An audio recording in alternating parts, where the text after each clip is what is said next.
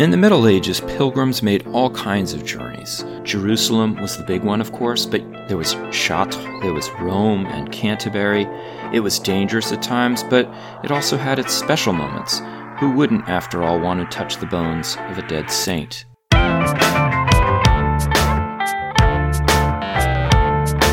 It's time to eat the dogs. I'm Michael Robinson.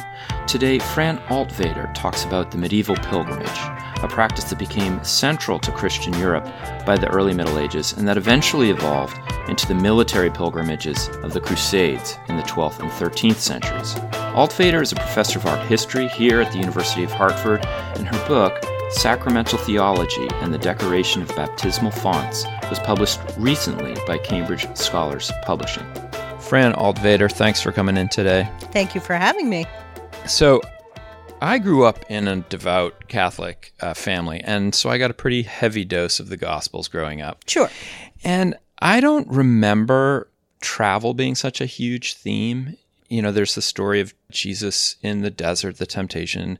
There's, I think, in Luke, a story about him going to Jerusalem, but it just was not a theme that we talked a lot about in mass or in, you know, Sunday school. So, where does the whole pilgrimage thing? Could you talk about how that sure. happened? Pilgrimage doesn't factor very much into the gospels unless you know one of the things motifs that comes up for pilgrims as well are the the magi um, the idea of traveling mm. to see the Christ child. Um, so there is a pilgrimage motif there, sort of early on, but not really. Um, it's really post Gospels that you get that. And you get Paul's travels, the idea that Paul is reaching out to all of these churches, Paul on the road to Damascus. Mm-hmm. So I think for early Christians, that's a motif that they're looking at. For us, I think there's an element in which travel has become so much a part of our lives that it's nothing to travel from one town mm-hmm. to another. It's even nothing to go two or three towns away to your nephew's bar mitzvah mm-hmm. or your godson's christening. Um, so that there's this sense in which, you know, obviously you're traveling even for religious reasons. So pilgrimage kind of takes a back seat. Whereas in the Middle Ages, travel was a totally different. Why don't, why right. don't you actually talk travel is of- travel is a, a major sort of motivator, and I think also if you look at that early Christian element, there's this sense of we're going to travel and that will be a conversion moment for me. That will be, you know, end of my life. I will travel.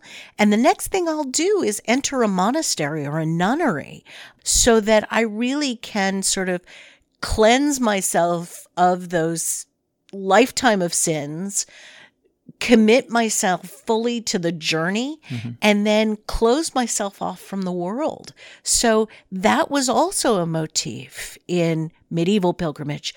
And if you think of crusades, um, you know, the idea of crusade as pilgrimage, all other reasons for crusading aside, the idea of pilgrimage to the Holy Land as a devotional act that will wipe out your sins, and that you might not come home from. Mm-hmm. So, this kind of completion in travel of your spiritual journey. So, who actually was traveling? I mean, where uh, the impression I got from the the readings that I did on this was that it was not just an all male thing. No, there were female pilgrims. Chaucer gives us the best examples, but there are lots of female pilgrims in the early period. You know, they they write about seeing Bethlehem and seeing in going the experience of what it would be like to see the Christ child in the manger at Bethlehem. Mm-hmm. You know, and they write about it in really visual terms.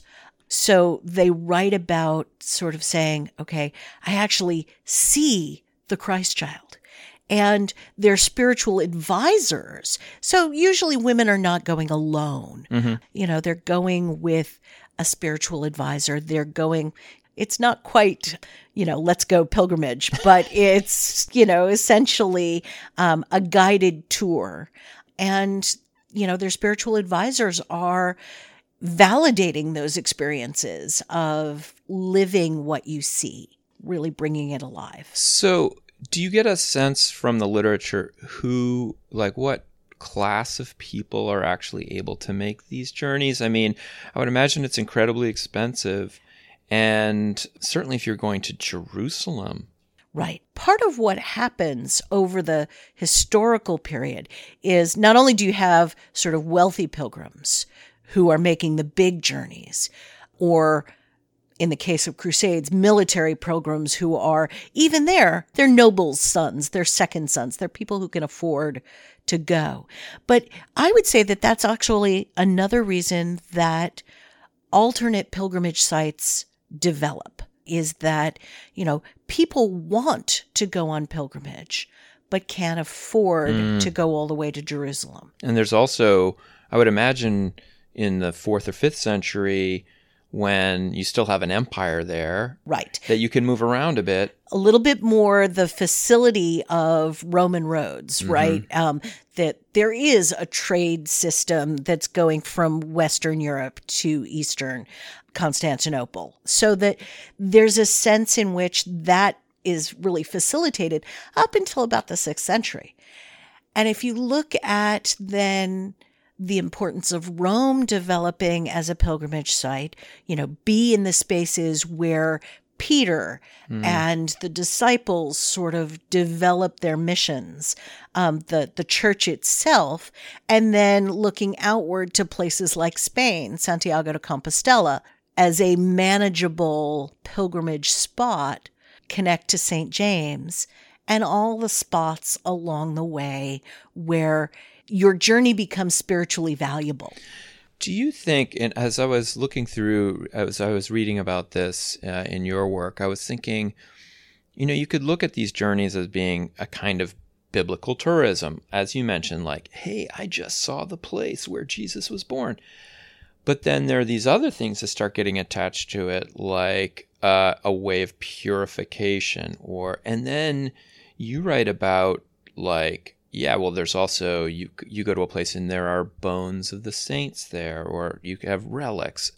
So, could you talk about the different things that attracted people to you know on these journeys? Well, and I think there's pilgrimage to cleanse yourself, right? There's there's the awareness of I need I need purification.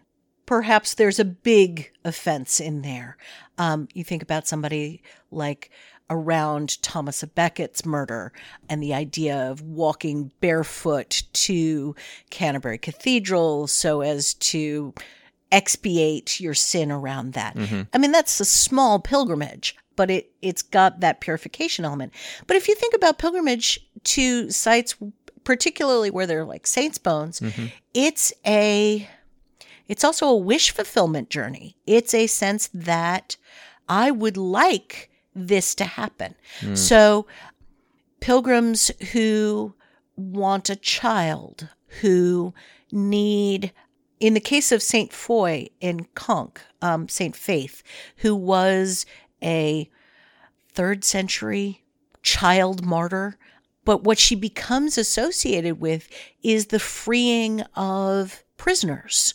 And so, in fact, prisoners would either come after having been liberated to give her their shackles. Wow. Um, so uh, a devotional act to say thank you, mm-hmm. or people would come and pray for someone else's release. And so, you know, the sense that the saint could fulfill those promises. Um, the great thing about Saint Faith is there's there's all this sort of written material around her, and she's got a character. She becomes a real person in a way in the imagination of pilgrims. So, for instance, um, there are fabulous stories of female pilgrims who vow to give a ring and then change their mind. And Saint Faith appears to them and says, You know, you promised the ring, you should give it uh. up. And that the saint wants things out of the pilgrims yeah, that's that's so interesting. I was wondering, you know, as these pilgrimages become more and more difficult, let's say, as the Roman Empire is breaking down. You talked about local sites of pilgrimage, which are maybe less expensive or you need less time. But then there are these other things that get done too that you that you write about like the the shape of the architecture of these shrines. Right. Can you talk about So, for instance, one of the things that happens and I prepared for this question. um, so, if you think about, all right, let's talk about the Holy Sepulchre in Jerusalem. This amazing site, the site of the resurrection, and you get um, you get a round Roman style shrine building built up around it.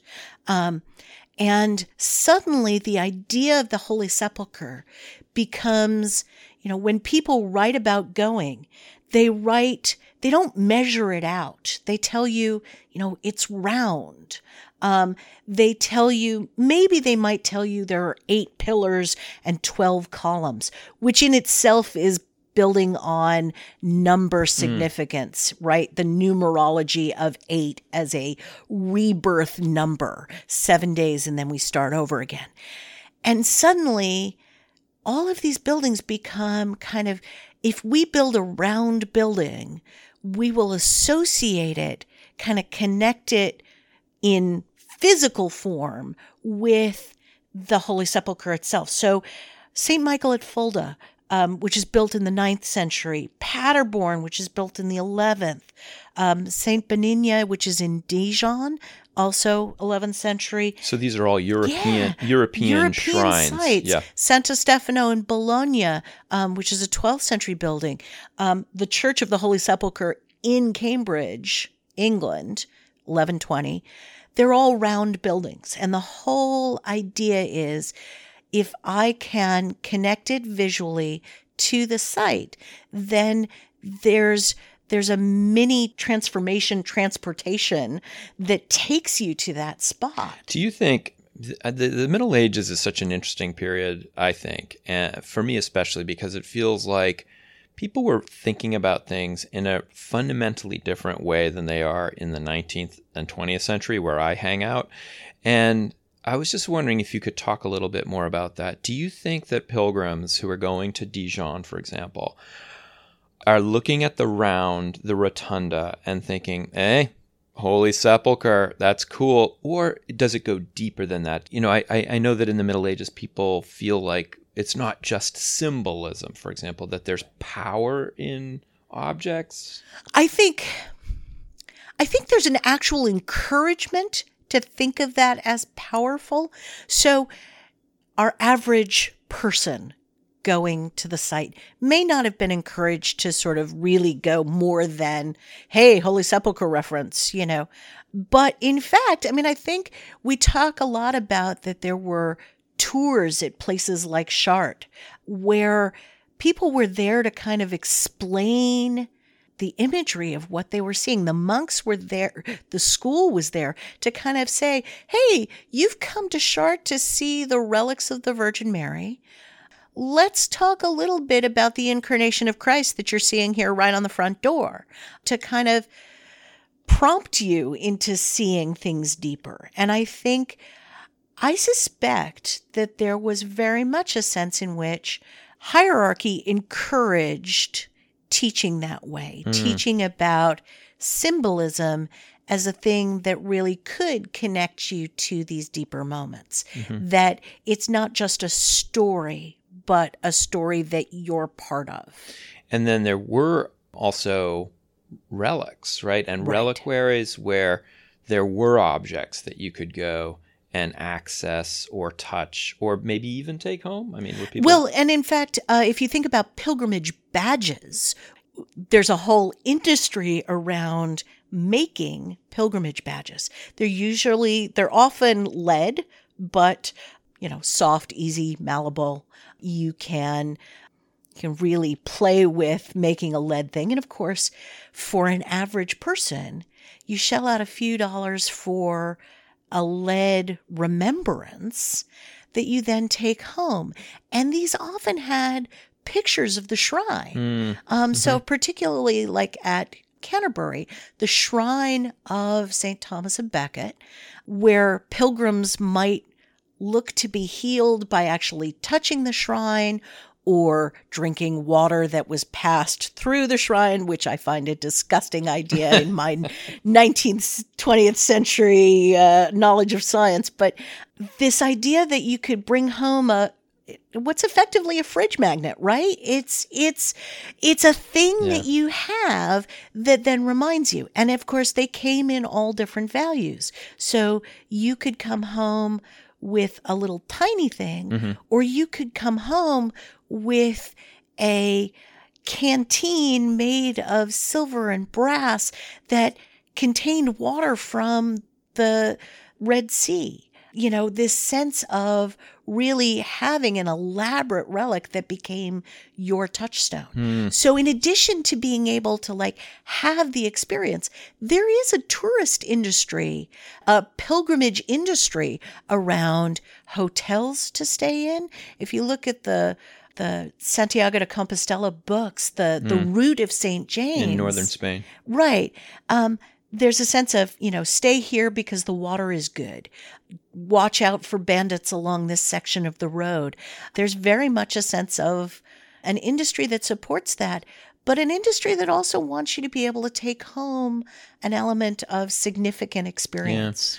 Yeah. And and I've also found very interesting in the readings that uh, I was looking at that there's a like in the structure of the labyrinth what were these things? Yeah. Labyrinths don't really show up until a little bit later, um, 13th century or oh, okay. so. Mm-hmm. Um, what I find really interesting about the labyrinth, I mean, so traditionally we've sort of said, okay, well, architects use them to mark things. Um, so the labyrinth at Chartres, for instance, has the names of the architects in the labyrinth. And of course, the connection to labyrinths and Daedalus as the, you know, archetypal architect. Are these actual mazes or are they they're like tiles? The, they're or? tiles on the floor for the most part. Um, now, 20th century designers have sort of tried to make them a little more three dimensional, but largely they're tiles on the floor. And the idea is that you're, of course, following the path back and forth.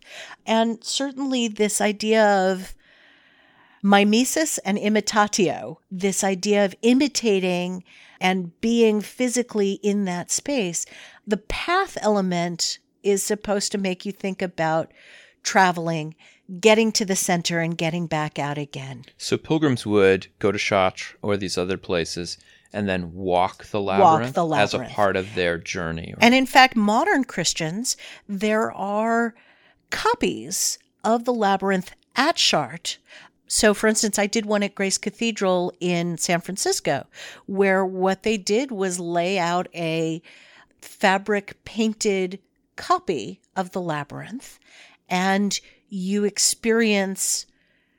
I'm not sure whether you experience Chartres itself in that translation into the Episcopal space, or whether what you're supposed to do is go a little further and do, you know, the idea of a spiritual journey.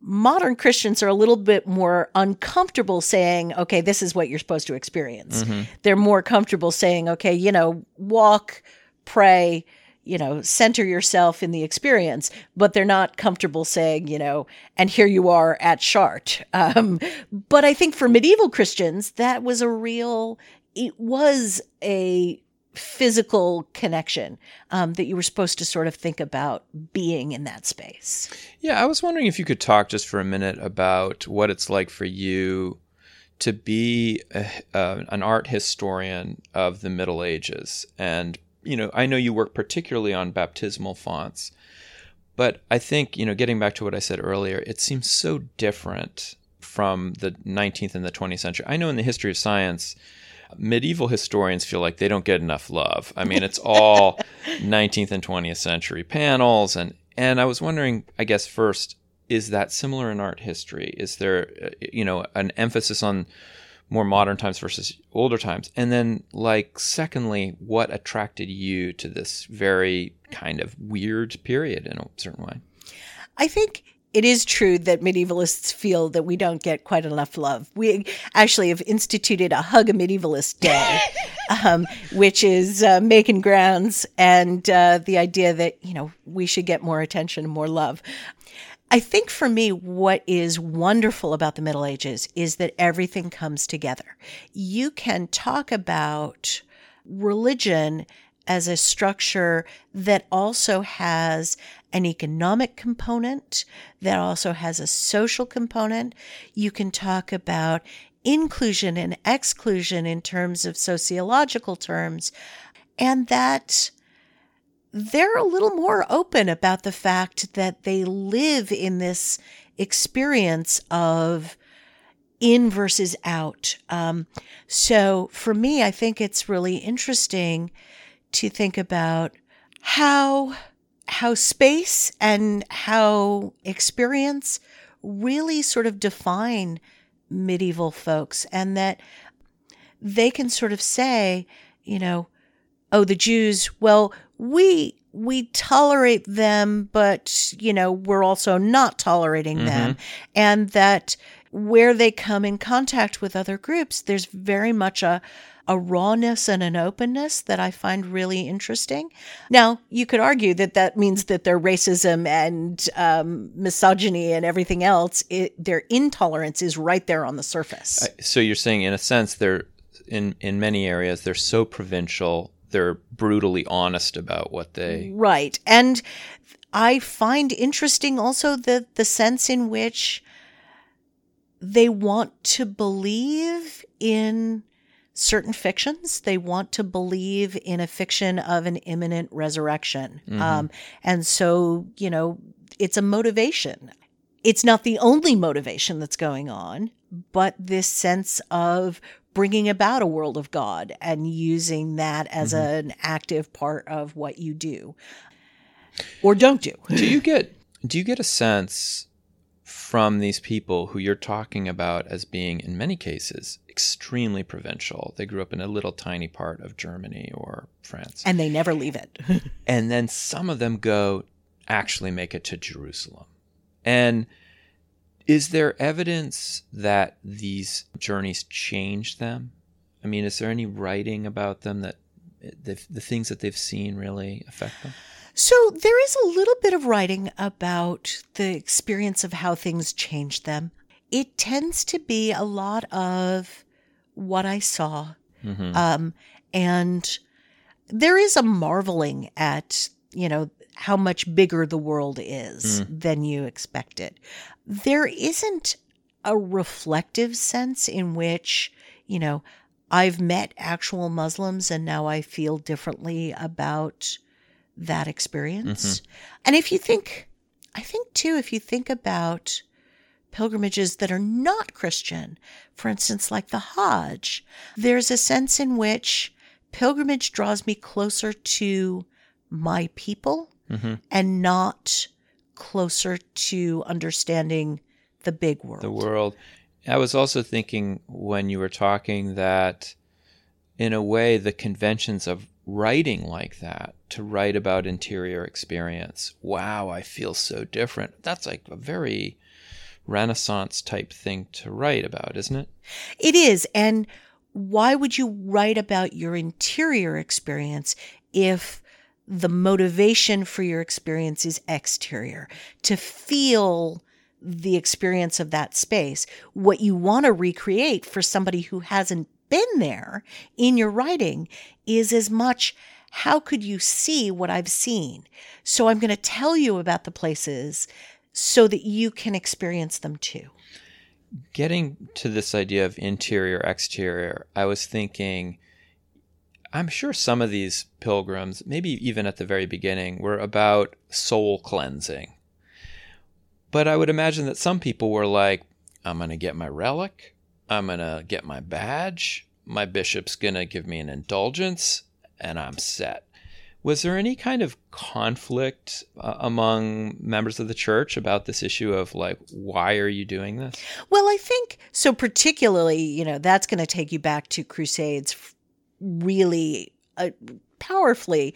Of course, these guys are all second sons. I think the church is very careful to promote a message of this is why you're doing it. You may have other reasons, but of course, the ceremony that goes with setting out on pilgrimage, the reception of a pilgrim's cross or a scallop shell for St. James in, in Spain, the idea that you are marked as a pilgrim. Let's set the tone before anybody goes out. This is not about plundering. This is about, you know, plundering you may mm. do, but we're going to not look at that. We're going to look at the way we're setting the tone yeah. for your travel. Um, so pilgrims went through a public declaration of their pilgrimage. Mm-hmm. And I think that's where the church is particularly good at setting a message of okay, folks, this is why we go on pilgrimage. You may be enjoying the travel and what it gets you. You may be enjoying seeing all these places and tasting spices and seeing new things. But don't forget, you are marked as a pilgrim. You are visibly a pilgrim. You've got a cross, you've got a scallop yeah. shell, you've got a, a staff. There was an, a uniform of sorts, yeah. right? And that helped. You know, if you're wearing the physical trappings of going out on pilgrimage, you've got a, a tangible reminder of why you're mm. going. Yeah, I was thinking when uh, I was uh, listening to you just talk about this that what's actually in the mind of the pilgrim is different from person to person and their relationship to whether it be relics or interior states of mind, whatever. And I was thinking, in a way, there is a modern parallel to that, and that is if you look at people who climb mountains, or or maybe people who do all kinds of different kind of extreme adventure stuff. There are the purists who are they're into the moment and then there are the peak baggers. You know, I've done every 14,000 foot mountain in this state. And so it was, I, so it made me reflect a little bit on this idea of how how close do you think these modes of of travel or experience are? I mean, I know that's asking you to speculate a little bit, but like I guess the question is this, is the pilgrim actually closer to us than we think or is it a really separate state of mind? Well, all right. So if you think about someone like Julian of Norwich or Margery Kempe, Margery Kempe's probably a better example since lots of folks are second guessing her extreme experience. So she's bursting into tears. Um, she is totally overwhelmed. She's in Jerusalem? I think she's mostly England. England. But she is experiencing these sights and overwhelmed by her experience, weeping, prostrate. And there are plenty of people, and of course, she's writing her memoir about all these people who are, you know, scoffing at her and not validating her experience. And of course, she always wins out in the end. She is able to convince them of the sincerity of her moment. I think that that's that's as revelatory of their experience is that they probably were modern in that sense hmm. of you can't live in that spiritual moment all the time. Hmm. I mean, there are people who are obsessed that way, but they're relatively few. I mean, many people are thinking, I've walked 20 miles today, my feet are tired, and I really just want to put them up at the end of the day. And then tomorrow, when we actually go to the church, I will be in that frame of mind. Mm. But the journey maybe is less spiritual getting there. Now, of course, that depends on how far you're going, how much you're leaving behind, what kind of preparations you're making. But I think I think they were modern, even if they're not writing it down. Mm. Well, this has been awesome. Thank you so much, Thank Fran you so much for, for having me. That's it for today. Our music was composed by Zabrat. Make sure you check out the Time to Eat the Dogs website for links and information to today's show. A special shout out to Jean Sorabella, who wrote up a great essay on the medieval pilgrimage. I've posted the link on the website as well. And if you want to get in touch with me, feel free to contact me at time to eat the dogs, that's one word, lowercase, at gmail.com. See you next week.